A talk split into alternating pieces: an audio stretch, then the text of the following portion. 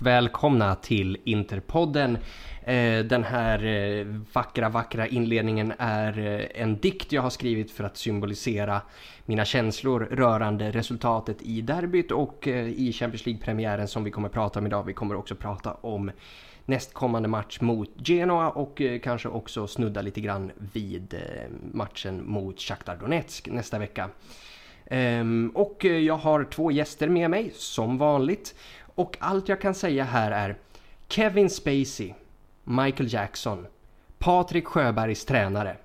Alla dessa har något gemensamt med våra nästa gäst. I det att de är väldigt förtjusta i pojkar. Orhan Kulev. och det där är då en anspelning på eh, din fascination för typ Kamawinga och andra 17-åringar. Alright, bra. Det kommer vara bra välpassande intro till mina sågningar som kommer längre senare. På mm, ja, men det, det, det, tycker jag låter, låter lovande. Och sen kan jag också berätta för er kära lyssnare att det finns två typer av människor som har akvarium hemma. Amerikanska hallickar 1980 och Jon Sköld. Ah. Behöver jag försvara mig för det eller? Nej, det, det beror helt på. Om du tycker att det är Nej, på sin tyckte, plats eller om du tycker att det är en rimlig Jag tyckte jag gav en ganska saklig och uh, given uh, förklaring. Men uh, den valde du att bortse ifrån och det är väl allt i sin ordning. Vadå, jag tog ju upp det där med hallickar. nej då, nej då. Ni vet hur det är att vara med här. Eh, initialt så ska man alltså förnedras för det är vårt sätt att välkomna våra gäster. Eh, och förnedring är ju någonting som vi alla tre har fått känna på den här veckan. Eh, och vi måste ju då börja där någonstans i derbyt. Och jag tänker Jon, vad var det som gick så otroligt fel? Ja, en bra fråga. Um... Jag skulle vilja säga att uh, Kolarov uh, skrev introt till den historien. Um, fruktansvärt otajmad uh, när han förorsakade den straffen på Zlatan tycker jag. Uh, samtidigt så är ju försvarsspelet uh, jävligt otajmat som uh, kollektiv när de släpper igenom uh, djupledslöpningarna där Ibrahimovic 39 ska få, få skapa det, alltså att han får så stort utrymme. Jag tycker det är... Ja, det, det, det där begriper jag mig inte på. Alltså, för låt oss vara ärliga här. Vi, vi gör egentligen inte en fullkomligt genomrutten ah. match om man ska vara Nej. helt ärlig.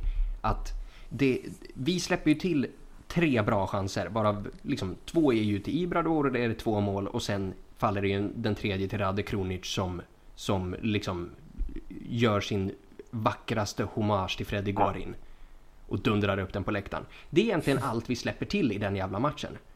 Och ändå så vinner vi det inte. Och ja, vi, vi satt ju och kollade ett gäng, eh, jag, Binan och, och de här Rostam bland annat. Eh, och God damn it, alltså Ja, och jag sa det redan, redan under första halvlek. Det finns inte en chans att vi vänder det här när vi bränner så här många chanser. För vi hade fan läge efter läge efter läge att vända på det där och gjorde det inte. Och det är väl eh, därför jag kommer till analysen att Milan vann inte den här matchen i närheten lika mycket som vi förlorade den. Nej, det håller jag med om. Alltså, det som du säger att vi släpper till tre chanser i ett derby, det är ju egentligen... Alltså objektivt så hade jag sagt bara, åh fan, inte mer. Det, I ett derby så ska det egentligen kunna vara ganska balanserat och jämnt när, när det kommer till målchanser, för det är alltid lite nerver inblandat. Men de chanserna vi släpper är ju liksom första, alltså, straff, alltså anfallet som föranleder straffen är ju ett anfall som är allt för farligt sett till eh, hur, eh, hur spelet eh, hade sett ut. Ehm, och hade det varit hade det varit Liverpool vi hade mött och det anfallet kom i ett sånt läge så hade jag haft lite mer förståelse för det. Men, eh, men, att, men att mm. Zlatan får chans att löpa i djupled, behandla bollen så pass länge utan att eh, styras. Och sen väljer Kolarov att, att sula ner honom så oförsiktigt. Och andra läget, alltså det är ju det är, det är, så, det är så orutinerat försvarsspel så att läget är ju ett mål så som vi, så som vi uppträder. Och det är ja, två, två mål bakåt i derby liksom och speciellt så som det, det, det gav väldiga flashbacks från derbyt i våras när de också tar oss lite på sängen känner jag då i första halvlek och tar ledning med 2-0. Skillnaden den gången det var ju att fan, vi, vi vaknade ju som kollektiv eh, direkt i för, alltså i, efter första halvlek och gick ut och spelade som ett lag. Jo. Eh, Aran, jag tänker, jag har ju liksom belyst problemet här att vi, vi sätter helt enkelt inte våra chanser. Det var något vi såg eh, delvis mot Lazio, vi såg det nu mot Milan framförallt och även eh, då igår mot eh, Borussia Mönchengladbach.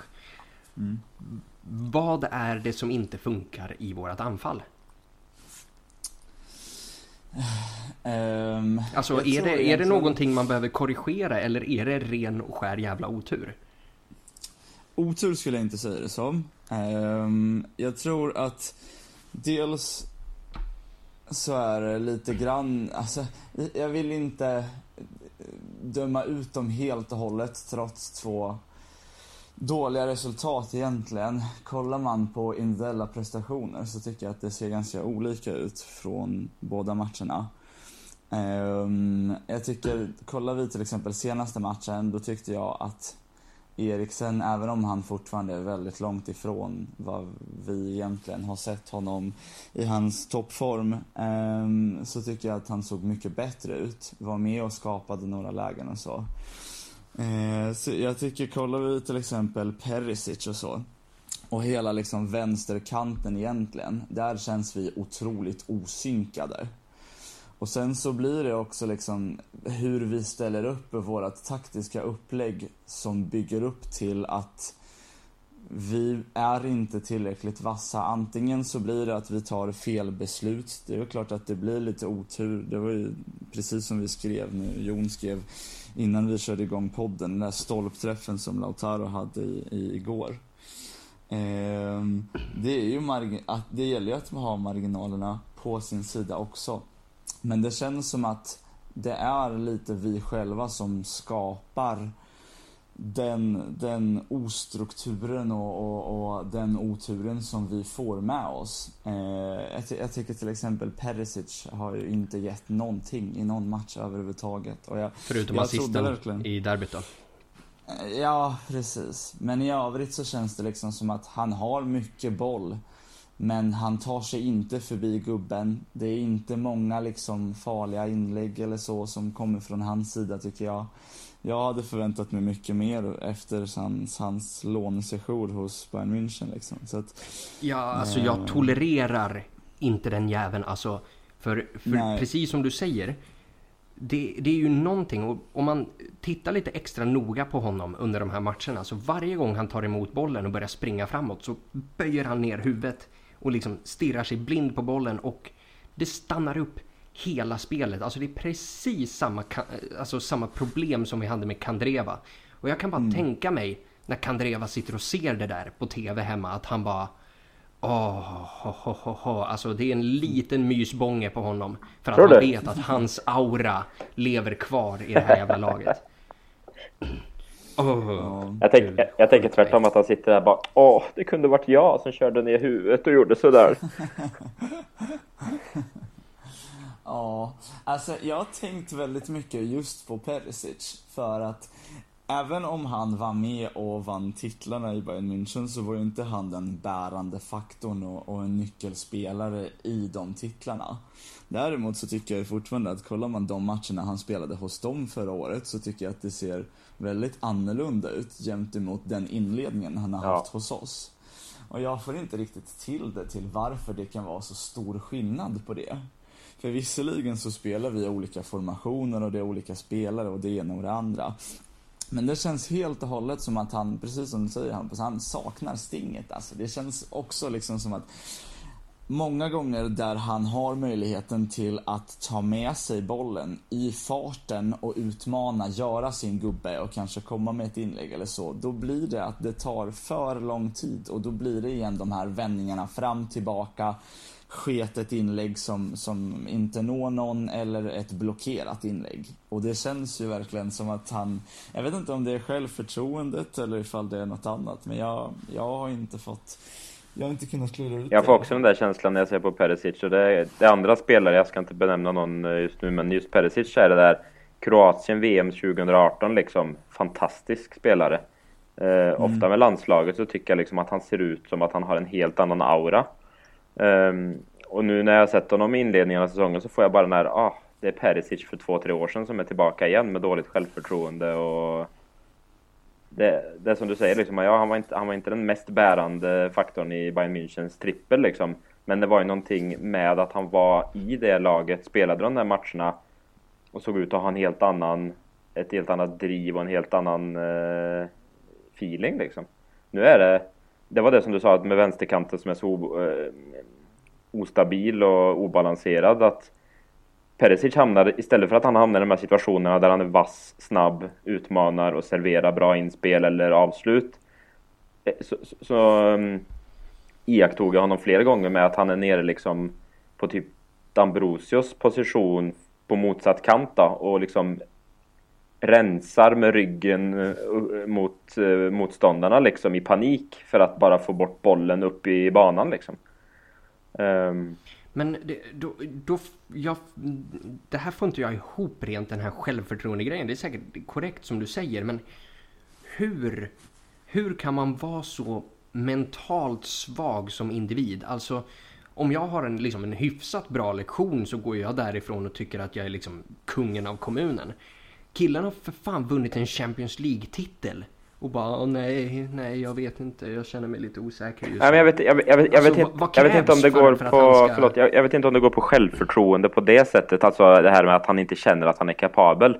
Jag tror det mer går på, alltså mental eh, feeling liksom med miljön, att han är, jag tror att han liksom, det känns långsökt kanske, men det, jag får liksom den känslan att han får, han får tillbaka vibbarna av att spela på den arenan, spela i liksom samma eh, sättning då som han eh, gjorde för några år sedan när Inter var i en helt annan eh, kategori liksom när vi kämpade för att kanske komma topp fyra och spela kanske Europa League eller kanske inte ens Europa League liksom. Eh, och han eh, var ju ganska mycket berg och dalbana då också. Jo, jo, jo. Absolut. Jag är bara, jag är bara rädd att han, att han kände liksom att, att han pikade lite grann i och med trippen men att han eh, att han sliter då med att å ena sidan så ska han vara eh, titulärer liksom som har vunnit trippen med Bayern München och ska komma tillbaka och briljera. Men å andra sidan så måste man kämpa för det och när det går lite snålt och motvind för laget så så är han inte kapabel liksom att lyfta sig några hack liksom. Jag, mm. jag tror egentligen till att det är en kombination utav också hur vår, alltså vart vi ligger som, som klubb, i vilket stadie vi ligger i vårt projekt jämt emot vart ja. München ligger. Jag tror i och med att han återigen, det är ingen som räknar med till att han ska vara en nyckelspelare i Bayern München. Han var inte meningen till att han skulle vara med och, och bärga alla assist till Lewandowski och, och vara med i varenda anfall och, och göra avgörande mål eller något sånt där. Här är vi i en säsong där det är väldigt många spelare som slåss om väldigt många, eller väldigt få positioner. Det är en stor press där säsongen är dömd till take it or leave it. Och jag tror att det är att det, jag tror inte heller det handlar om nödvändigtvis till att han inte känner att han är kapabel till det. Däremot tror jag att han pallar inte pressen. Eh, här är han mycket viktigare. Här är han den som ska vara med på, på den andra kanten, leverera bollar till våra två världsforwards. Och, och jag tror att så som klubbarna också är uppbyggda i form av struktur, taktiskt upplägg och sådär. Jag tror att Bayern München är lite liksom så här, ja men väldigt typiskt tyst liksom, väldigt strukturerat och sådär. Medan här tror jag att det är lite annorlunda, framförallt jämt, alltså om man kollar på hur Conte är och så. Jag tror det är väldigt styrt utav, utav känslor och stunder och så vidare och så vidare. Så att jag tror väldigt många gånger till att han kan vara att han gräver ner sig själv lite grann och eh, jag, jag tror inte han pallar pressen. Nej.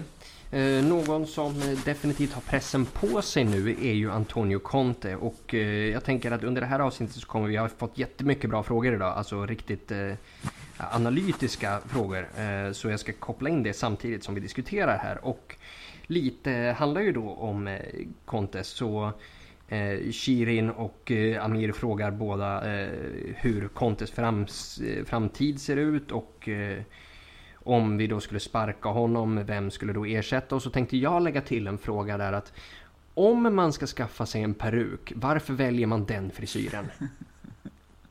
Seriöst. Alltså, då kan du välja vilken frisyr som helst. Varför väljer du då min mamma klippte mig hemma? Uh, vadå peruk? Antonio Conte. Vilken peruk? Ah, okay. ah, ah, fan. Fan. Helvete. Oh, vad, vad frustrerande. Nu missade jag ironi där. Oh, vad pinsamt. Har du aldrig, har du aldrig oh, testat regain eller? Nej, tydligen inte. Alltså, herregud. Eh, men då Contes framtid. Eh, vi kan ju påpeka rent statistiskt så är ju den här den sämsta starten Conte har gjort i sin tränarkarriär. Då inkluderar vi också Bari och Siena i det där. Det är ju inte superlovande. Eh, så, Jon, Contes framtid i Inter. Ehm, det sista du påstod där, sämsta inledningen, är det att han har tagit så få poäng i ligan eh, första inledande ja, omgången? Precis, eller? precis. Ja, okay. Ja, exakt. Ja, två segrar, en oavgjord, en förlust än så länge. Det, det är väl inte optimalt. Men eh, jag, jag, tror hellre att jag... Alltså så, så, som jag upplever det så är de flesta eh, oroade över försvarsspelet och eh, antalet baklängesmål eh, så långt det är ju det, är ju det som har varit akilleshälen. Vi har ju, vi har ju vi har ju klarat att liksom anfalla och skapa en jävla massa möjligheter även om som vi varit inne på att vi har varit mar marginalerna emot oss i vissa lägen då med stolpe ut och det ena med det andra. Men eh, alltså efter mötet i eh, Morattis eh, villa så så är jag ganska övertygad om att det ska mycket till för att eh, man går ut och väljer att sparka Conte under säsong. Eh, helt enkelt för att vi har inte råd. Den, eh, den, ja, den lönen han sitter på och vi ska sparka honom och sitta och betala av den lönen han sitter på soffan och vi ska betala ytterligare en tränare plus Paletti. Det går inte, det är Corona liksom. Det, det, det är helt oaktuellt. Och det var också det vi diskuterade tidigare om eh, värv, värvningarna som eh, skedde liksom. Många hade sett för sig att det skulle vara en helt annan eh, nivå kanske på värvningar och sånt där men eh, Sang var ju helt eh, glasklar på att det är försäljning ut som genererar eh, köp in och det är inga andra typer av värvningar vi kan göra. Och vi har inte sålt några avsevärda mängder spelare så det hade inte varit möjligt för oss att få in några speciellt dyrare spelare så då är ju då är ju liksom det att vi skulle göra oss av med Conte mitt under säsongen, då, då måste det till något exceptionellt liksom. Mm. Eh, Ora, jag, har, eh, jag har en fråga här då liksom som bygger lite på Conte. Så du kan ju svara på, på, eh, på Carl Johans fråga här. Hur säkert Conte sitter och vad är grejen med värvningar över 30 plus? Jag vet ju att det här är ju lite din hemmaplan. Och då gissar jag att vi kommer komma in på en viss spelare, för jag har nämligen sett dig på Twitter idag. Eh, och är mycket, mycket upprörd. Eh, så. så vi kan ta en liten fight över alltså, det också. Ja, jag kommer förvånansvärt nog vara ganska lugn och inte alls lika ilsken som jag har varit på Twitter. Men jag skulle väl säga så här. Jag tror att eh, Jon har helt rätt i det han säger. Jag tror det dels gynnar inte vårat projekt. För att, alltså jag, jag tror det ska, till, det ska till att vi ligger sjua i december innan, innan juluppehållet. För att vi verkligen ska känna att det är så pass stor kris att kicka Conte. Eh, jag tror att det missgynnar projektet, jag tror det missgynnar vår ekonomi och jag tror att det, för tillfället kollar man realistiskt bland de tränare som finns tillgängliga och vilka utav dem som skulle kunna göra något, något bra för oss så tror jag inte att något, någon utav dem är en sån tränare som kommer att revolutionera och vänder ut och upp och ner på en säsong. Så att jag tror att trots inledningen, sen ska man ju också ta med sig till att det är ju bara ett fåtal matcher. Eh, även om det ser ut som det gör. Det, det, som gör mig väldigt orolig, det är att jag tycker inte att, även om vi har andra spelare och så, och för att då även komma in på det här med Kolarov. Jag tycker att så här, de motargument jag har fått när jag har klagat på alla de, de värvningar som är 30 plus och framförallt då kanske Kolarov har ju varit till så här, ja men det har varit en billig värvning som, eh, som kommer att generera oss mycket erfarenhet. Det är en smart spelare eh, och, och så vidare och så vidare som kom, kan spela på flera positioner och så. Och nu istället så blir det mer till att så här, ja men då, då är motargumenten nya till att, ja men nu är det så synd om han för nu spelar han på fel position. Men det bör inte ta ifrån honom till att fortfarande inte vara så pass vilsen i sitt positionsspel. Eller ta helt extremt oerfarna Nej. beslut.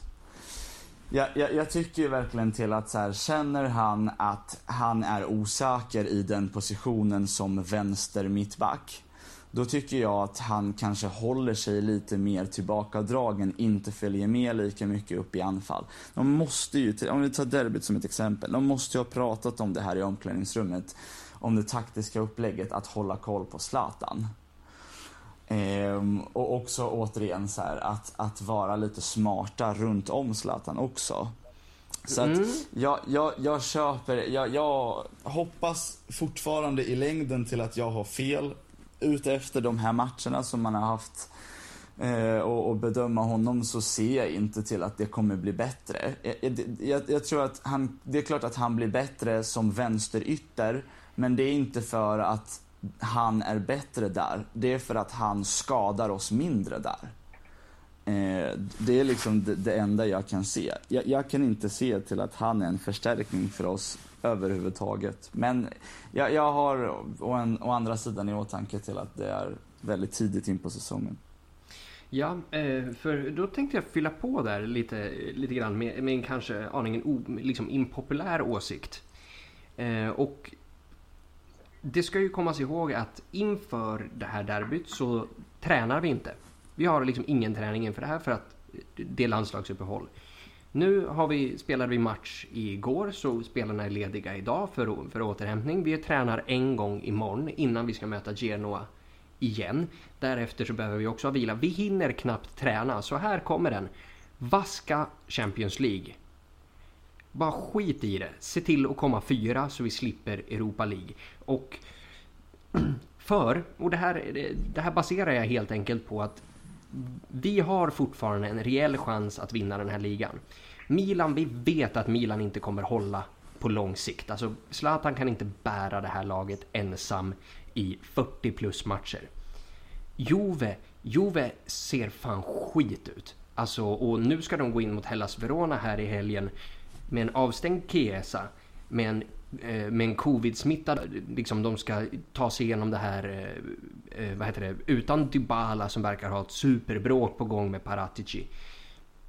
De saknar massor med spelare. De här kommer inte heller vara i närheten av vad de var förra året. Så vi har fortfarande en reell chans att ta det här. Men det blir fullkomligt omöjligt om, om vi aldrig ska få en möjlighet att ens träna. Hur ska det här laget lyckas spela ihop sig när vi spelar matcher så otroligt ofta? Så jag säger, alltså våra, våra chanser att liksom gå till en CL-semi, kvart och final och grejer och liksom stångas med Liverpool, eh, försöka slå ut Bayern München som går som, ett, som en jävla pansarvagn fram. Det, vi är helt chanslösa på den nivån. Så försök gå istället för den titeln som vi faktiskt har en möjlighet att ta. Håller ni med? Ja, Tänk, du, du, jag vill bara börja med att du vill vaska CL och är nöjd med att komma Nej, nej, fyra i gruppen så att vi inte får spela Europa League. Nej, nej, nej, vi ska ju vinna, det, det är ju för att vinna ligatiteln då. Inte vaska CL och komma fyra, det är ju... Riktigt Tottenham-mentalitet. Alltså, Kanske lite salt för min smak, men...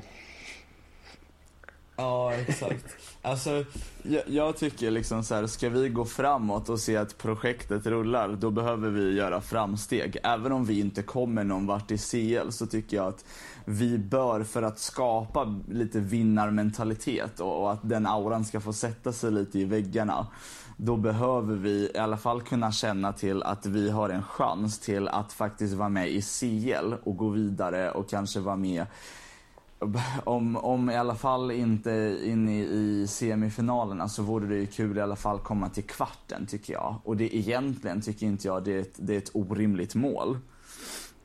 Um, men jag tror att det kommer vara extremt viktigt här och det är det som också får mig att tveka på Conte.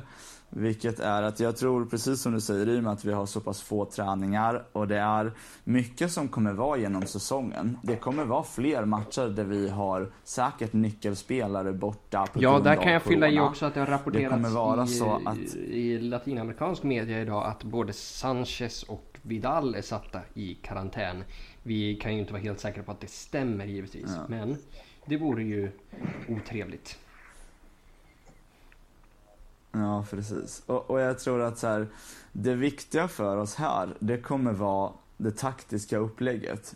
Vi måste kunna vara mycket mer anpassningsbara utefter dels motstånd och efter också det spelmaterialet vi har tillgängligt.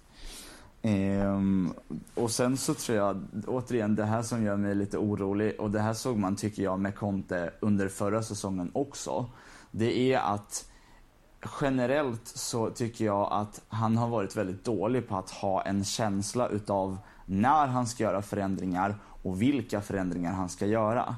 Jag kan till exempel förespråka till att i vissa fall behöver man göra en förändring, inte nödvändigtvis för att ens spelaren som kommer in är så pass mycket bättre än den som går ut. Men däremot för att få lite eld i laget och få lite en annan stämning och kunna pusha på dem. Bara för att göra förändringen för förändringens skull.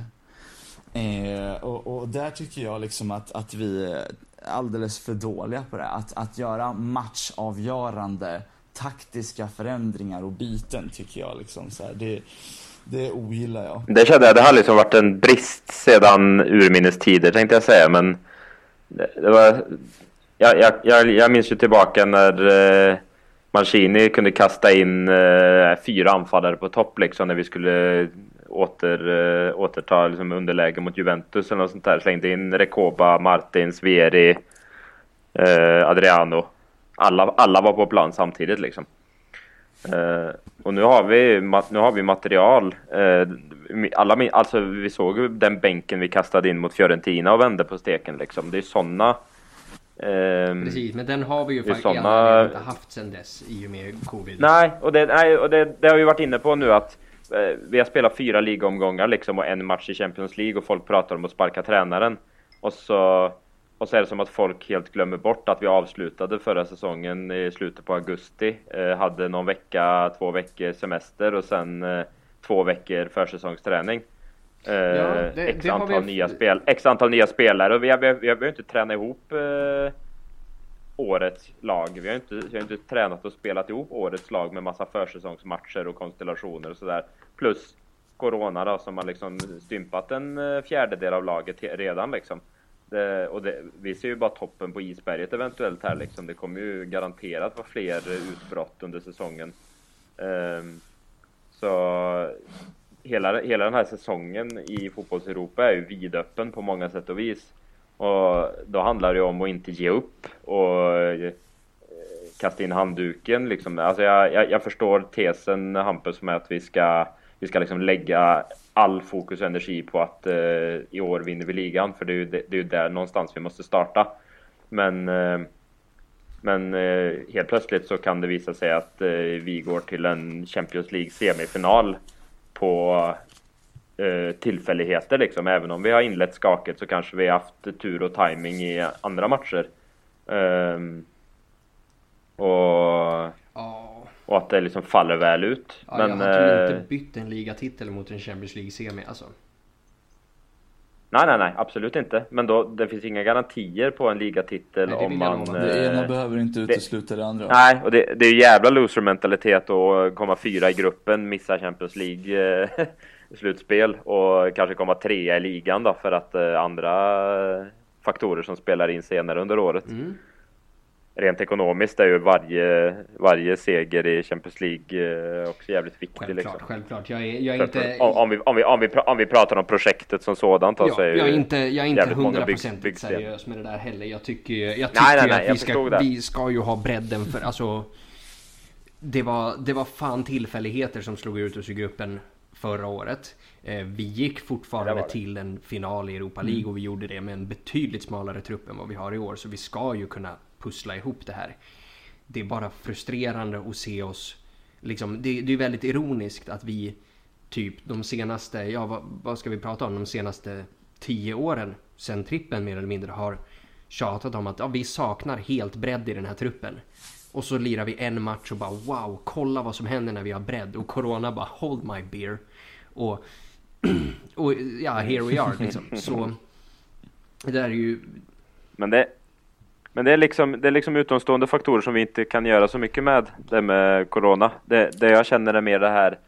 Eh, hur många säsonger senaste tio åren har vi ändå varit ganska, här, fan, ganska fin start. Eh, ligger med i toppen eh, med Juventus eh, fram i november, in i december där och så plötsligt bara havererar vi. Och så är det en, en vårsäsong som är lite sådär med.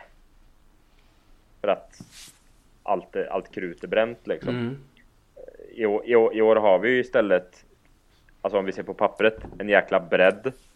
Eh, Mycket mer kvalitet i alla lagdelar. Kolla på mittfältet liksom, vilket annat lag som helst hade ju, hade ju haft många av de spelarna som hade varit startspelare i storklubbar liksom.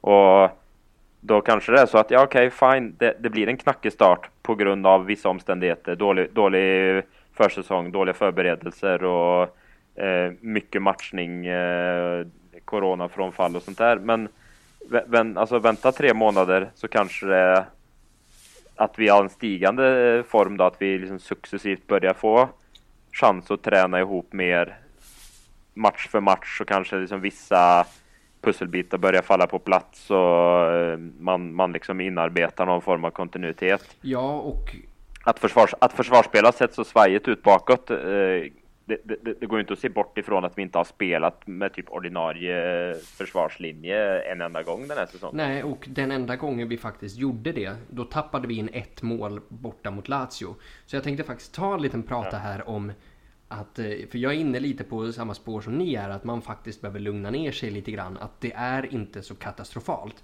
För ehm, om vi då jobbar oss, eh, jobbar oss från Gladbach-matchen och bakåt. Matchen mot, mot Mönchengladbach vann vi. Det där är en solklar offside. Det är liksom, vi blir rånade på den vinsten. Vi, vi ska prata om allt det här också. Milan-matchen, ja, där, där lider vi av att, att vi saknar våra ordinarie försvarsspelare. Matchen slutar 2-1. Vi får hål på dem, men de får in två lätta mål på oss på grund av att vi saknar ordinarie spelare. Matchen mot... Och, att vi bränner. Och att vi bränner. Att vi bränner självklart. fan fyra öppna lägen eh, sen vi kunde. Mm, absolut. Eh, och matchen mot Lazio. Där spelar vi för första gången med våran ordinarie backlinje. Och vi tappar in ett mål på liksom en exemplarisk boll av Luis Alberto vill jag minnas att det är och en, alltså, och en Milinkovic Savic som är livsfarlig i luften. Kanske bör Handanovic ta den där också. Men ett kryss borta mot Lazio är inte hela världen. Sen Benevento krossar vi och så har vi Fiorentina-matchen och den här tror jag fortfarande är den viktigaste för där spelar vi stundtals riktigt dåligt. Men vi lyckas ändå vända den matchen och vinna den 4-3. Där tror jag att skillnaden från förra säsongen ligger. Att för, alltså, ta, det här, ta den matchen förra säsongen. Den hade inte vi vunnit då. Hade vi hamnat i det underläget så hade vi inte vänt den. Så när det kommer till de här större lagen som, eh, som Lazio, Milan och sånt här. Där är det ganska normalt att man, att man liksom delar på poängen. Att du vinner några, kryssar några, förlorar några. Och det är så här storlagen delar poängen mellan varann. Det är ju inte på grund av de här matcherna som har gjort att vi missade ligatiteln förra säsongen till exempel. Utan det är de här skitkryssmatcherna mot bajslagen. 3-3 mot Sassuolo, 1-1 mot Lecce, torsk mot Bologna. Det är de här matcherna. Liksom, så därför ser jag ju matchen mot Genoa nu, eh, nu på lördag som en mycket, mycket viktig match för oss. För här är det ju för en anledningen till att, eh, till att Juve har vunnit så här mycket. För om vi tänker tillbaka. Även när vi har varit dåliga så har vi stundtals spöat Juve eller spelat kryss mot dem. De har fått piska av Napoli någon gång här. Milan har tagit någon poäng. Roma har tagit något kryss. Lazio smiskade upp dem. Men ändå vinner de för att alla vi andra har de här idiotpoängtappen mot skräplagen. Och det är de, om de försvinner så kommer vi ta, då kommer vi ta ligan i år. För Juve, de, de är där vi var. De har tappat poäng mot Crotone. De har tappat poäng mot Roma. De här poängtappen som Juve gör nu, jag är inte, jag är inte överhuvudtaget övertygad om att de slår Hellas Verona den här helgen heller. På grund av alla spelare de saknar. Så vi har faktiskt en ganska god chans även om inledningen har varit lite knacklig. För det vi har förlorat poäng mot är Lazio borta. Det finns inget lag i ligan som kan åka till Stadio Olimpico och möta Lazio och vara säkra på att ta hem tre, tre poäng. Samma sak, ett derby är ett derby som vi alltid säger. Så vi ska nog inte dra för stora växlar av det här. Nej. Nej, och så är det ju mm. alltså det som, det som man brukar säga i um, Ja, alltså jag blandar ihop eh, två koncept här nu, men det jag skulle, det jag skulle säga var i alla fall Man brukar säga att konceptet för att vinna Serie A är att du ska slå alla skitlagen, både, både borta och hemma. Du ska slå topplagen hemma och kryssa borta. Då, då har du vunnit jo. Serie A. Men eh, den här säsongen är ju helt, eh, helt annorlunda på grund av alla utomstående faktorer. Och i år kommer det inte vara några det är ingen som kommer liksom vinna ligan på över 100 poäng eller liknande. Liksom. Det, det kommer vara så många oväntade poängtapp till höger och vänster. Och därför är man inte ute ur eh, eh diskussion om att vinna ligan bara för att man har tappat poäng ett par matcher i första omgången. Nej, för liksom. om vi skulle titta runt om oss i Europa nu, nu får ju, ni får ju liksom rätta mig om jag har fel här, men just nu så är ligaledarna runt om i Europa är väl Leipzig, Everton, Real Sociedad, Milan och Stade Rennes? Är det det? ja. Precis. Vi kan ja, väl men... räkna ganska kallt med att det inte kommer sluta på det här sättet. Ja, det så gör det det. Alltså, jag, jag tycker så här. Kollar vi spelmässigt. Förlåt, Lille är det som leder franska ligan. Så tycker jag att Ja, och så, ska, och så får du inte glömma att Aston Villa har en match mindre spelad så det kan gott vara Aston Villa som leder och inte Everton. Ja precis, ja, det blir en tuff titelfight där i slutet mellan dem. Ja. alltså om, Liver, om Liverpool skulle tappa ligan jag, jag till Everton, alltså, det, jag skulle vara så lycklig över det också. Våga hata Liverpool. Äh, äh, jag...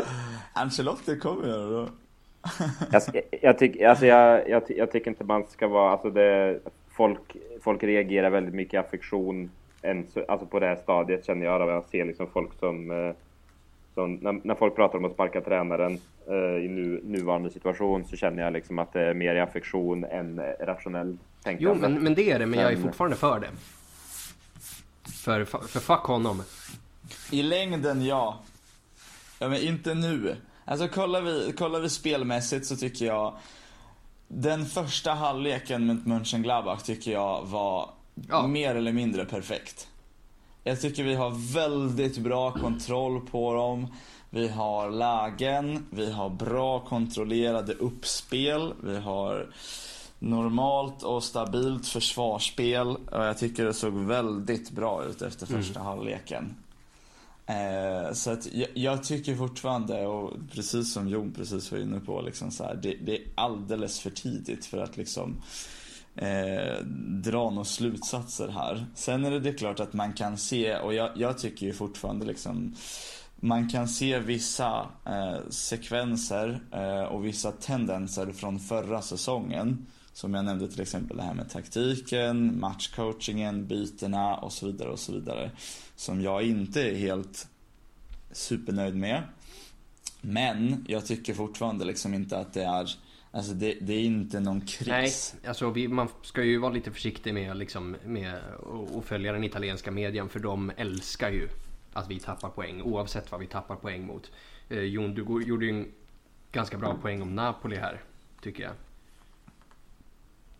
Ja, eh, jag, jag glömde nämna det tidigare också när jag var inne på det här med omständigheterna för den här säsongen med förberedelser och Corona och hela den där biten. Alltså, varje, varje möjlighet för italiensk media och eh, hela fotbollsetablissemanget och övriga supportrar till att salta på eh, Conte som eh, intertränare och när det blir motgångar, där kom, de, de kommer utnyttja det till fullo liksom.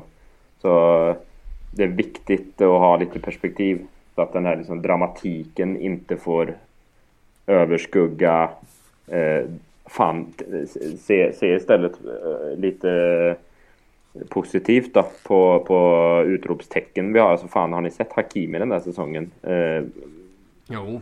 Eh, jag, jag, jag, jag, är, jag, är nästan, jag är nästan mer upptagen av det än eh, att vi har släppt in en massa mål första omgångarna. Ja, liksom. Att vi helt plötsligt har spelare av den kalibern. Jo, absolut, jag vill vi, vi har ju... slita av mig ballen när han nickar utanför mot Milan. Alltså, missa, ja, han missade nicken där. Ja, men det, var, det var ett av de lägen som jag tänkte liksom också att fan, fyra, fyra mål kunde vi ha gjort mm. solklara mm. chanser mot Milan liksom. Och då hade derbyt varit som derbyt i våras. Om vi bara hade haft den skärpan liksom. Men... Eh, nej men alltså... Det är lätt att måla fan på väggen bara för att ett par resultat går emot. Eh, men man, allting blir så jävla svart istället för att man prövar att liksom, okej, okay, vi har eh, kanske 4, 5, 6, 7 glädjeämnen som vi kan försöka fokusera på så får vi jobba med eh, minuspolerna liksom. Men vad fan, ta mer Christian Eriksen har plötsligt få, fått lite speltid och gör det inte så jävla jag dåligt. Jag tyckte han var liksom. bra alltså. Ja, absolut. Han har ju en boll fram där till det, vem den är till. Det är väl något vi har suttit och väntat på sedan januari mm. liksom. Och det är framförallt en spelare jag vill lyfta från, från eh, matchen mot, eh, mot tyskarna här då. Alltså Arturo Vidal. Jag vet att eh, det är många som har liksom mm, och nu, nu du Oran, nu du, nu. Jag vet att det är liksom många som har kritiserat honom efter den här, efter den här matchen. Men om vi ska hålla på och peka på spelare, vilket jag generellt är emot när det kommer till att, att vi tappar in mål. För det är fortfarande en lagsport. Snälla, Nej, jag kommer inte säga Handanovic. Men när vi pratar om straffen. Oh, skönt. Då, om, om vi nu ska hänga ut spelare mm. så ska vi ju skylla minst lika mycket på Stefan de Vrij som Vidal som sätter upp den där idiotpassningen rakt upp till Gladbach-spelare som startar ja. den här omställningen från sista tredjedelen när vi är ur position. Det är ju oförlåtligt i så fall. För den touchen som Vidal har på honom, ja det, det är en touch, det är straff. Ja, dåligt. Men utöver det så varenda jävla duell vinner han. Alltså de tacklingarna han sätter in, alltså det här är ett fullblodsdjur. Alltså en fan vad jag har saknat en sån här spelare i det här laget och jag förstår varför Conte har gått runt och varit en surkärring i ett och ett halvt år nu. Och liksom bönat och bett om Vidal. För vi fick fan se vad man får. För Vidal var den överlägset bästa spelaren på den planen. Målen till trots, för det andra målet det tänker jag inte säga något om för det är så offside så att klockorna stannar. Så Forza Arturo Ja, bara han äh, aldrig gör om det där igen. Jag håller gör med. Vadå? Men samma sak som du, du försöker sk skuld... Men alltså, bo, alltså, oavsett om det är offside eller inte offside och även om det är det, det Fries pass som, som leder upp till straffen som blev.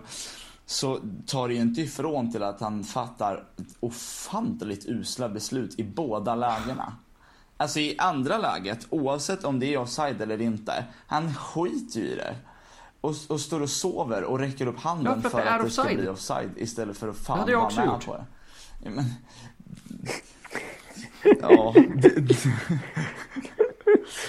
Får, får jag flika in med en, vad jag tror kommer vara en unpopular varsågod. opinion eller? Jag gillade fan Darmian. Nej, det är ingen opopulär Alltså, eh, åsikt. Alltså han var okej. Bifall. Jag- Ja, jag är överraskad, glatt överraskad av honom. alltså. Ja, alltså jag, jag, jag, har, jag, jag kan säga, det här är också en spelare som jag har klagat så mycket över för att jag tycker att vi har tillräckligt med täckning på den positionen. Och för att min bild utav han är att han fortfarande är lika usel som han var senast man såg honom i United.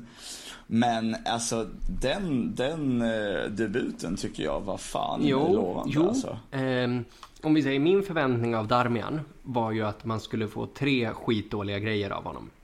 Nu fick vi tre skitdåliga grejer och en riktigt bra grej. Så det är väl en positiv överraskning antar jag. Men då är det också vad, vad är kraven ställda på? Alltså om Hakimi hade spelat samma match som Darmian hade spelat nu mot Gladbach så hade vi sagt vad är det för jävla sopa vi har köpt? Du kan inte jämföra Nej, med det- jag vet såklart. att det är men jag tycker att det är en, det är en, det, det är en okej breddspelare. Alltså jag, jag kan säga så här, efter att ha sett den här matchen, om han fortsätter att spela någorlunda lika som han gjorde här, så tycker jag att jag är inte lika skitnödig Nej, då är han- honom starta någon, någon skitmatch. Då är han en resurs, Jo, nej, men kan absolut, man lugnt absolut. konstatera. Ja. Det är liksom så här, tänk, tänk, tänk att eh, vi måste ersätta Hakimi en del matcher under säsongen. Ja, Och så hade vi då, tvungen slänga, Ja, och så hade vi tvungen slänga in typ Santon eh, istället. Och inte Santon i sina få glansframträdanden då, utan den Santon som liksom avgör matcherna eh, till vår nackdel. Mm. Så är ju den, den insatsen av Darmian var långt över min förväntan faktiskt. Eh, och att han orkar så pass, alltså han, han har inte spelat eh, inledningen på den här säsongen och att han kör matchen igenom och följer med, fyller på i anfall kan jag lite orsak... Fan, eh, han hade väl ett par möjligheter där han klev in i straffområdet. Det var lite synd på den ena nicken där att han inte kunde fått den eh, stångat den i mål liksom. Men, eh, men, det, men det lovar liksom gott. Det, jag skulle vilja säga att ja, han, hans match mot Borussia är liknande liksom Dambrosius bättre insatser eh, som kantspringare liksom. Ja, det tycker jag ju Eh. inte. Ja, Dambrosio är ju en klart bättre spelare. Nej, alltså Ja, du måste, du, du, nej alltså du får, ju- du får ta ifrån eh, till exempel när Dambrosio räddar på mållinjen eller någonting mot Milan. Det är inte det jag menar att, eh, att eh, Darmian gör i den här matchen, men att, men att han liksom håller, att han är rätt i position, tillgänglig, slår inte bort några liksom eh, enkla bollar och sådär. Jag tycker Dambrosio har varit jävligt skakig i inledningen på den här säsongen, eh, jämförelsevis. Så, men ehm, men eh, Darmian var ju bättre på sin kant än vad Perisic eh, var på eh, motsatt Ja, och sida. då kan vi ta en fråga från, eh, från, Mm, eh, från, eh, från Ashur här eh, som har ställt ganska mycket frågor. Ehm, och han menar att när Hakimi är tillbaka att lira Darmian till vänster istället för liksom den kroatiska kamelen. Inte Ashurs ord utan mina. Nej, Nej, okej. sorry. Jo då. Ehm, Det, nej. varför inte? Så mycket, så mycket tror jag inte på Darmian. Alltså, nog för att han gjorde en, en OK insats och överträffade våra förväntningar på en högerkant. Men han är ju, först och främst så skulle det ju faktiskt vara trevligt att se någon som är vänsterfotad och som inte är Asamoah. Ja, nej, Asamoah På har ju lämnat så det... positionen. Eh, ja, men jag skulle vilja se eh, någon stabilare spelare. Nu, Young har ju gjort det okej liksom, men det är ju fortfarande inte riktigt liksom det optimala valet om, om man får välja fritt på den positionen.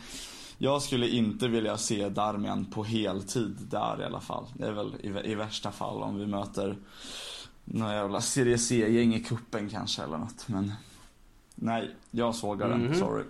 Eh, jag tänker att vi, vi ska gå in lite på, på Genoa-matchen och så kanske vi avvaktar med, med fighten mot Shakhtar tills nästa avsnitt då.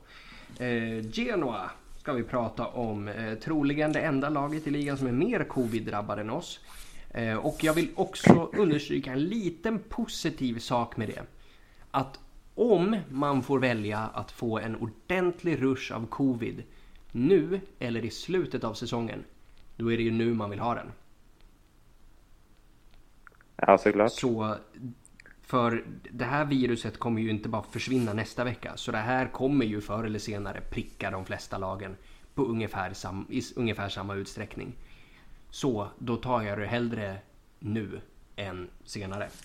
Och ju fler vi får under koncentrerad tid som kan bygga lite antikroppar ju bättre för truppen i stort.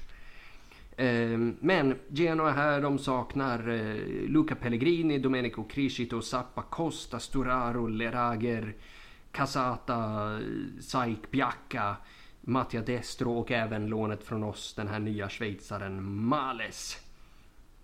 Ehm, så det vet inte fan vad de ska ställa upp med. Ehm, men då är vi tillbaks här på, på det jag pratade om förut, att det här är ju matcherna som är allra, allra viktigast i år. Så eh, Jon, jag vet inte hur bra koll du har på Genoa, men finns det liksom någon du vill höja ett varningens finger för eller någon som man bör titta lite extra på? Goran Pander Ja, är väl eh, en som alltid har en förmåga, känner jag, sticka fram eh, i matcher mot oss. Eh, nej, alltså jag vet inte. Genoa garanterat påverkad av eh, covid, men eh, de eh, de slog ju Crotone, klart. Det gjorde inte Juventus. Haha. Så mm. vi får förvänta att de är bättre än Juventus. Och spela därefter. Det som du säger, alltså, jag, jag tror denna match eh, är viktigare än vad man egentligen kan tänka sig. För eh, nu har vi sett liksom de här nervösa tendenserna med ska, lite halvskakigt spel varvat med ganska okej spel. Eh, men om resultaten går emot så kommer det alltid vara de eh, svajiga insatserna som kommer lyftas fram. Och jag tror det här är en sån match som är extremt viktig att liksom försöka återfå lite självförtroende. Eh, det hade varit väldigt fint om vi kunde hålla nollan. Mm. Så tror jag, jag tror ju absolut att vi klarar att skapa tillräckligt med målchanser och att eh, Lukaku-trenden eh, kan hålla i sig. Men eh, ja, har inte han gjort mål i alla matcher så här långt? jo, han har mål, jag tror han har mål i sex raka tävlingsmatcher. Eller sex mål på fem tävlingsmatcher eller sånt där. Vackert. Så det är ju, han är ju the real deal än så länge. Men eh, jag, är, jag är spänd på... det- känns som att Bastoni måste ju kunna vara aktuell för att starta den här matchen. Och då, då känner jag att Mm. Ja, bort med Kolarov fort som bara fan alltså. Ehm, jag vet inte om det kunde varit, kunde varit aktuellt att ha honom till vänster. Eh, lite mer defensivt Ja. alternativ för att balansera upp eh, den kanten då. Men Alltså, nu har vi inte Hakimi som offensiv att spets på högerkanten, så då, då är frågan. position. Så jag tycker att det är sådär vi ska spela liksom. För han har ju en jävla fot alltså. Ja.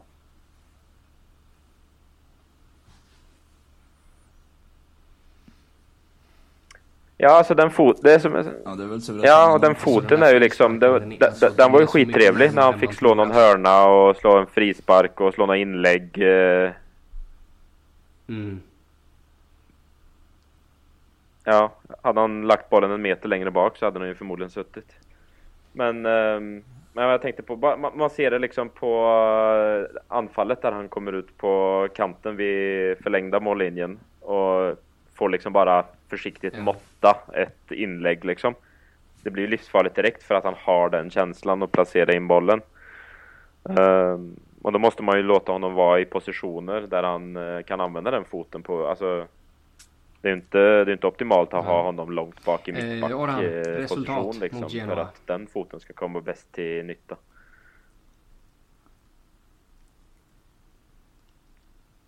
Mm. Eh, fan, det här känns ju nästan som att det finns en liten risk för en jinx för att de har så många borta och att det borde Mm. vara en så pass stabil seger för oss. Alla Men eh, jag får väl vara spelare den som 30 plus jinxar då i så fall. Jag säger 3-0.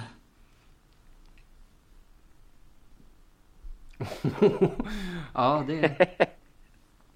Mm. Kollar av hattrick. tippa lite målskyttar Skruvar in tre hörnor. Kändes seriöst.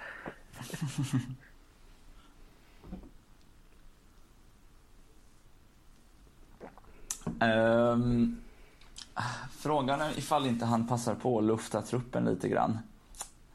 Ehm, ah, det är väl, jag tror nog definitivt att Lukaku gör en eller två Mhm. och sen så tror jag Jo. nog att vi eh, någon, någon back, De Vrij eller något kanske som nickar in en hörna eller så. Ehm, jag tror ju Genoa är lite skakade fortsatt av eh, omfattningen av den eh, Corona eh, situationen de har haft och vi är ju såklart också det men nu har vi ändå matchat. Vi har haft spelare som har matchat eh, frekvent. Eh, jag vill jag vill tro att med eh, Bastoni tillbaka bak i försvaret att vi får lite mer eh, kontroll där. Och ehm, så länge vi inte får några nya avbräck eh, Mm. så, så tror jag att vi kan vinna med ett par baljer. Jag tror eh, vi vinner med 2-0. Lukaku eh, gör i vart Mm. fall ett Ja, mål. jag tror på en Så lite eh, tätare hoppas jag Christian Eriksen eh, att, får nytt eh, förtroende och stänker den ballen. Det mesta på deras mittfält och det mesta i anfallet saknas ju på grund av covid. Men backlinjen är ju intakt. Så jag tror att det här kommer bli en 1-0 vinst och jag tror att den kommer komma genom Andrea Pinamonti. Som jag hoppas får en första start mot sitt gamla lag. Edgy, visst. Ehm, vi tar, vi tar lite fler frågor i och med att det finns så pass många bra här. Eh, Och då kan vi koppla in Lukaku här eftersom han har gjort så pass mycket mål. Och då är det eh, inte på den bekantingen Karl Mårtensson som frågar om Lukaku kan bli en av Inters största anfallare någonsin. Och eh, stor menar han då bra och inte stor som fet. Vad tror ni om Lukakus när Lukaku-kapitlet i Inters historia är färdigskrivet, står han där som en av de största?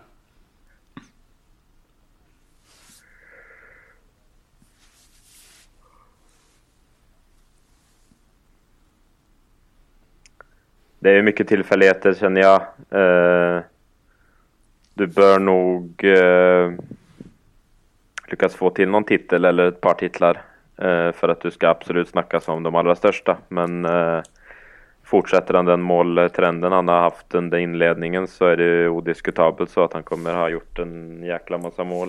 Eh, sen är frågan hur många säsonger Precis, och där, han det, det stannar. är där jag det tror... hänger också, som jag tror på, vinner vi titlar eller inte? Plötsligt så kanske Plötsligt kommer en tränare, plötsligt kommer en tränare som inte ser han som en given eh, faktor i hans spel och så finns det inte plats det, för det honom. där liksom. tänker jag att det där, alltså, Men eh, jag har ju funderat mycket på det där i och med att jag har ungefär lika mycket kärlek för Conte som för Islamiska staten. Så jag har ju... och andra passande saker. Binan ska vara glad att han inte är med idag heller. Eh? För jag, alltså för jag älskar ju Lukaku hur mycket som helst. Så min tanke är att när man då ska anställa en ny tränare då måste man ju helt enkelt ha en diskussion med den tränaren. Att okej, hur ser du på Romelu Lukakus roll? För vi kan ju inte ha en spelare som liksom hänger 38 plus mål per säsong. Och så liksom ska Max Allegri komma in där och bara nej men jag skulle vilja ha en lite mer Maxi Lopez typ av spelare. Alltså så kan, vi inte, så kan det inte få gå liksom. Då får man ju anpassa tränarvalet lite efter spelarmaterialet vi har också. Eh, sen om, han kan, om Lukaku blir en av de största, det tror jag inte. Och det bygger helt enkelt på grund av ålder. Att han kommer inte ha tillräckligt med tid. Att liksom... om Lukaku skulle avsluta karriären i Inter, vilket är, liksom, vilket är ganska farfetched. Då pratar vi ju en 5-6 år. Och jag tror inte att det räcker för att komma upp i den, det antalet mål som krävs för att liksom pressa in sig på topp 10-listan. Helt enkelt. Um, Nej, det, det vill ju till med en jäkla målfrekvens år för år. Uh, om han ska liksom matcha spelare som kanske har varit i klubben i 5, 6, 7 säsonger och gjort många mål liksom. Uh, jag vet inte, jag, jag, tror det hänger mycket på hans uh, psyke och sånt också, hur han liksom motiverar sig och om man klarar uh, upprätthålla fysik och den biten. Det är, det är ganska det är ganska mycket kroppshydda att hålla i form liksom för att för att kunna köra på till 33-34 liksom med den frekvensen han mm. har nu. Eh, vi tar två frågor till här. Eh, en från Dennis då. Vinner vi scudetton? Vänta, vänta, vänta. En i taget, en i taget för fan. Jag... alltså, jag tror fortfarande att vi har väldigt stor chans till att göra det. Dels på grund av, precis som vi har varit inne sen tidigare på, att eh, de andra lagen kan komma eller med stor sannolikhet kommer att fortsätta drabbas av coronafall. Sen är ju det tillfälligheter så vi får se hur, hur många spelare, i vilka tillfällen och så vidare och så vidare som det kommer att ske. Eh, jag tror sett till våran trupp ändå, om vi bortser lite grann från backlinjen, så tycker jag att vi har en väldigt bra bredd med väldigt, väldigt hög kvalitet på spelarna. Jag tycker att det som urskiljer oss för första gången i år som än på länge är ju att vi har en väldigt hög lägsta, eh, lägsta nivå. Sen tror jag att det spelar eh, roll till hur det kommer vara i januari. Nu ryktas ju bland annat om att till exempel vi tappar Raja som inte vill vara kvar hos oss. Eh, ersätter vi honom och i så fall vad ersätter vi honom med? Eller, eller blir det att så fort Gagliardini är tillbaka att eh, det blir samma gamla eh, historia som förra året att han startar var och varannan match. Så att eh, jag tror absolut att vi kan göra det. Mm. Jag tror fortfarande jo, på oss. Tror du? Nej, jag har ingen anledning att börja tänka redan nu att nej, vi vinner inte ligan. Liksom. Det är klart, efter förra säsongens uh, uh, lyft uh, kvalitetsmässigt jämfört med tidigare säsonger och så att vi har behållit nyckelspelare och plussat på med några ytterligare Alltså jag, jag, jag, kan inte se för mig att ett lag som har Achraf Hakimi på kanten inte ska vara med och utmana om titeln. Liksom. Det är ju helt oaktuellt. Jag är helt med i det där. Jag, jag håller fortfarande oss som favoriter. Alltså vi, vi ska fan ta det här. Det, jag har sett av Juve i år, eh, det imponerar inte på mig överhuvudtaget. Så vi ska fan mig ha det här. Eh, så det är ju en fantastisk jinx som vi har dragit på oss nu. Eh, och då tänkte jag avsluta här med Pojans fråga och det här är en typ av fråga som vi egentligen aldrig har haft förut så det här kan bli jätteintressant så jag tänker läsa hela frågan här för er faktiskt så det här kan ni filosofera över eh, även ni som lyssnar. Pojans fr eh, frågar Är det en särskild typ av människor som blir interfans? Alltså sådana som är väldigt svartvita, är att förväxla med den smutsiga typen av svartvit, alltså Juventus då. Eh, och inte har så mycket till övers för den stora gråzonen här i världen och i livet. Att allt är guld eller katastrof. Helst med minuter, timmar eller dagar mellan det ena och det andra. Ehm, så han undrar alltså, vad är vår teori? Att finns det en speciell typ av person som blir intersupporter?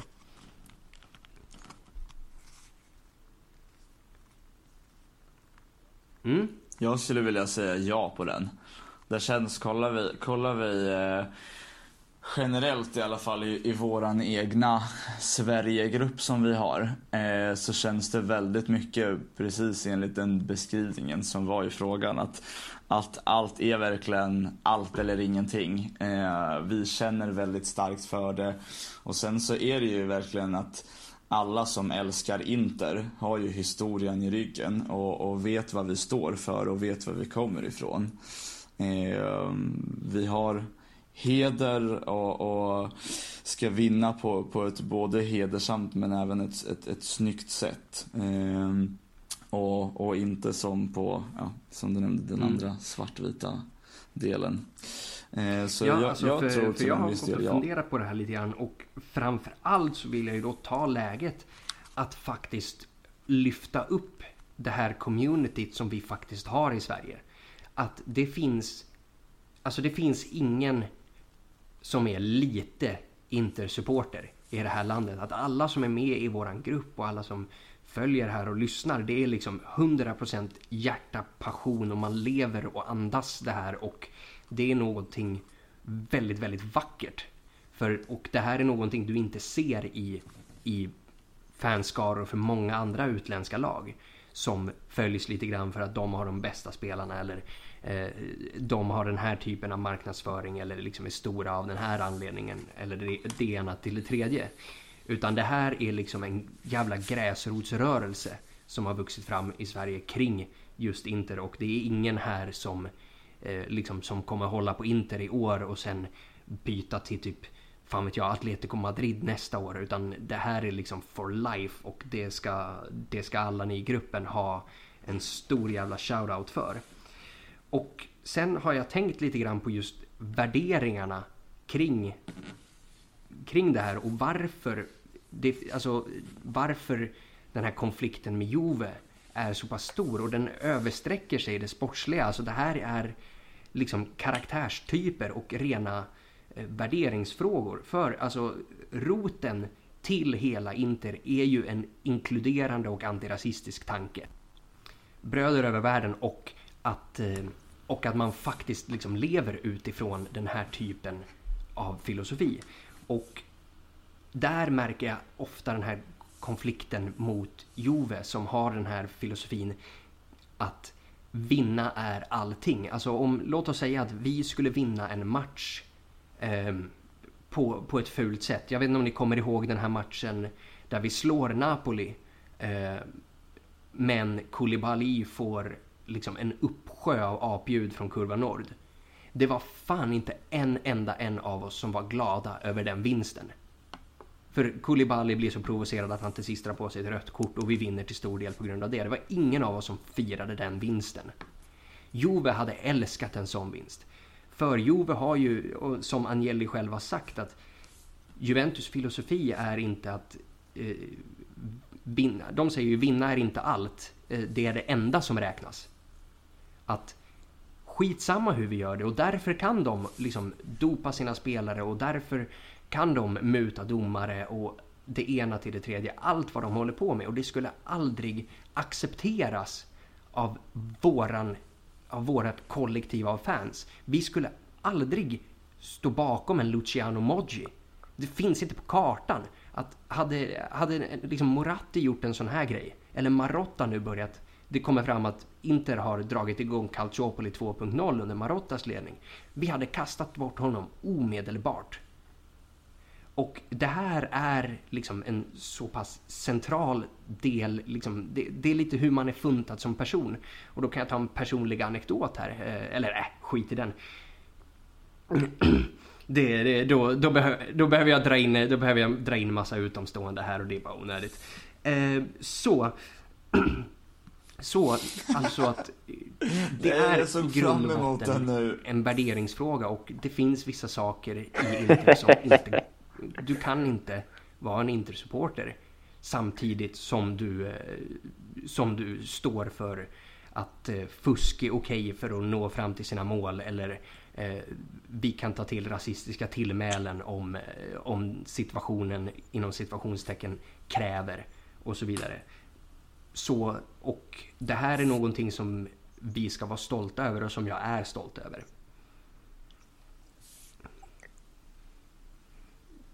Ja. Nej, jag, mm, jag har inte en lika lång utläggning kanske om konceptet, men jag, men jag, alltså jag, jag tycker Pojans frågeställning är ju väldigt legitim och eh, min uppfattning är ju just den som Hampus är inne på här att eh, det känns inte som, det, det, är liksom, det, är ingen, det är ingen rationellt beslut att folk bara, nej fan jag, jag, jag ska hålla på Inter. Det är, någonting, det är någonting som växer fram som en känsla. Det är, det är en förälskelse. Som, eh, alltså...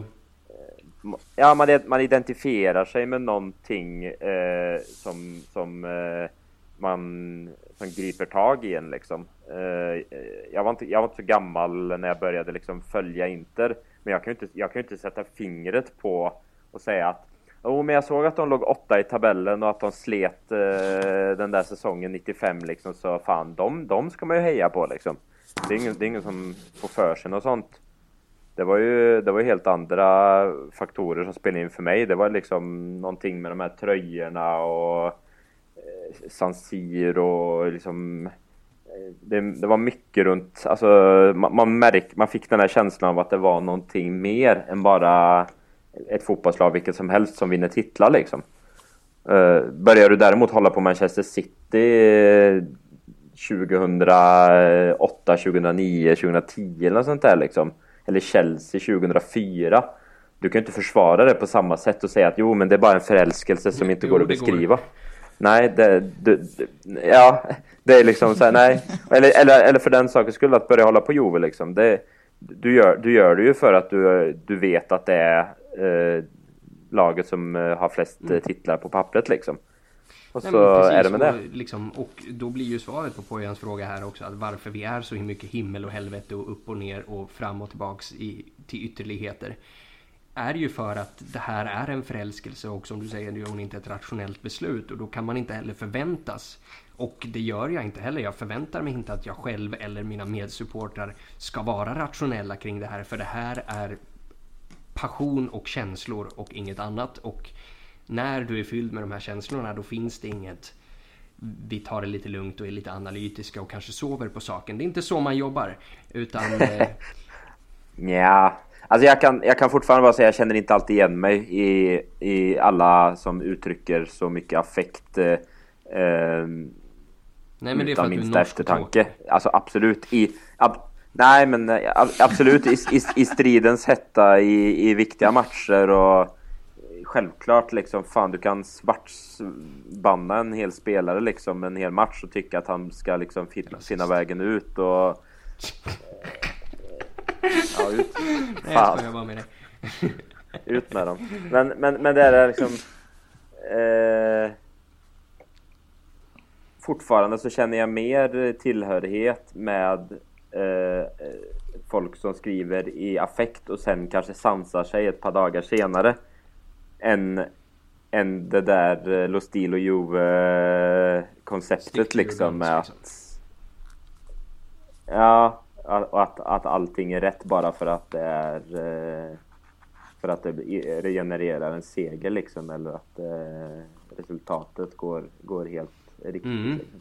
Eh, och eh, med de orden om, eh, om Inter och kärleken för Inter och passionen och då skulle vi kunna avsluta på ett citat av gamle Big Daddy Kane och säga Ain't no half stepping. Tack så mycket till Orhan och till Jon för att ni har varit med idag. Tack till alla er som har lyssnat. Tack till alla er som har kommit med mycket fina frågor. Och att ni fortsätter stötta och lyssna och är med och diskuterar Eh, i tråden efter och eh, jättegärna pusha det här till eh, alla era polare vare sig de gillar Inter, ens gillar fotboll eller gillar att lyssna på saker. Bara gör det. Eh, tills nästa vecka, Forza Inter, un bacio. Och för den som vill höra Hampus eh, personliga anekdot så är ni välkomna till att prenumerera på Interpodden Plus för 39 kronor Precis, om, om, jag, om jag blir mutad tillräckligt över typ en Patreon eller något sånt där så kanske så kanske jag börjar hänga ut folk. Ajt, ajt. Jamen. Ha det så bra. Yes.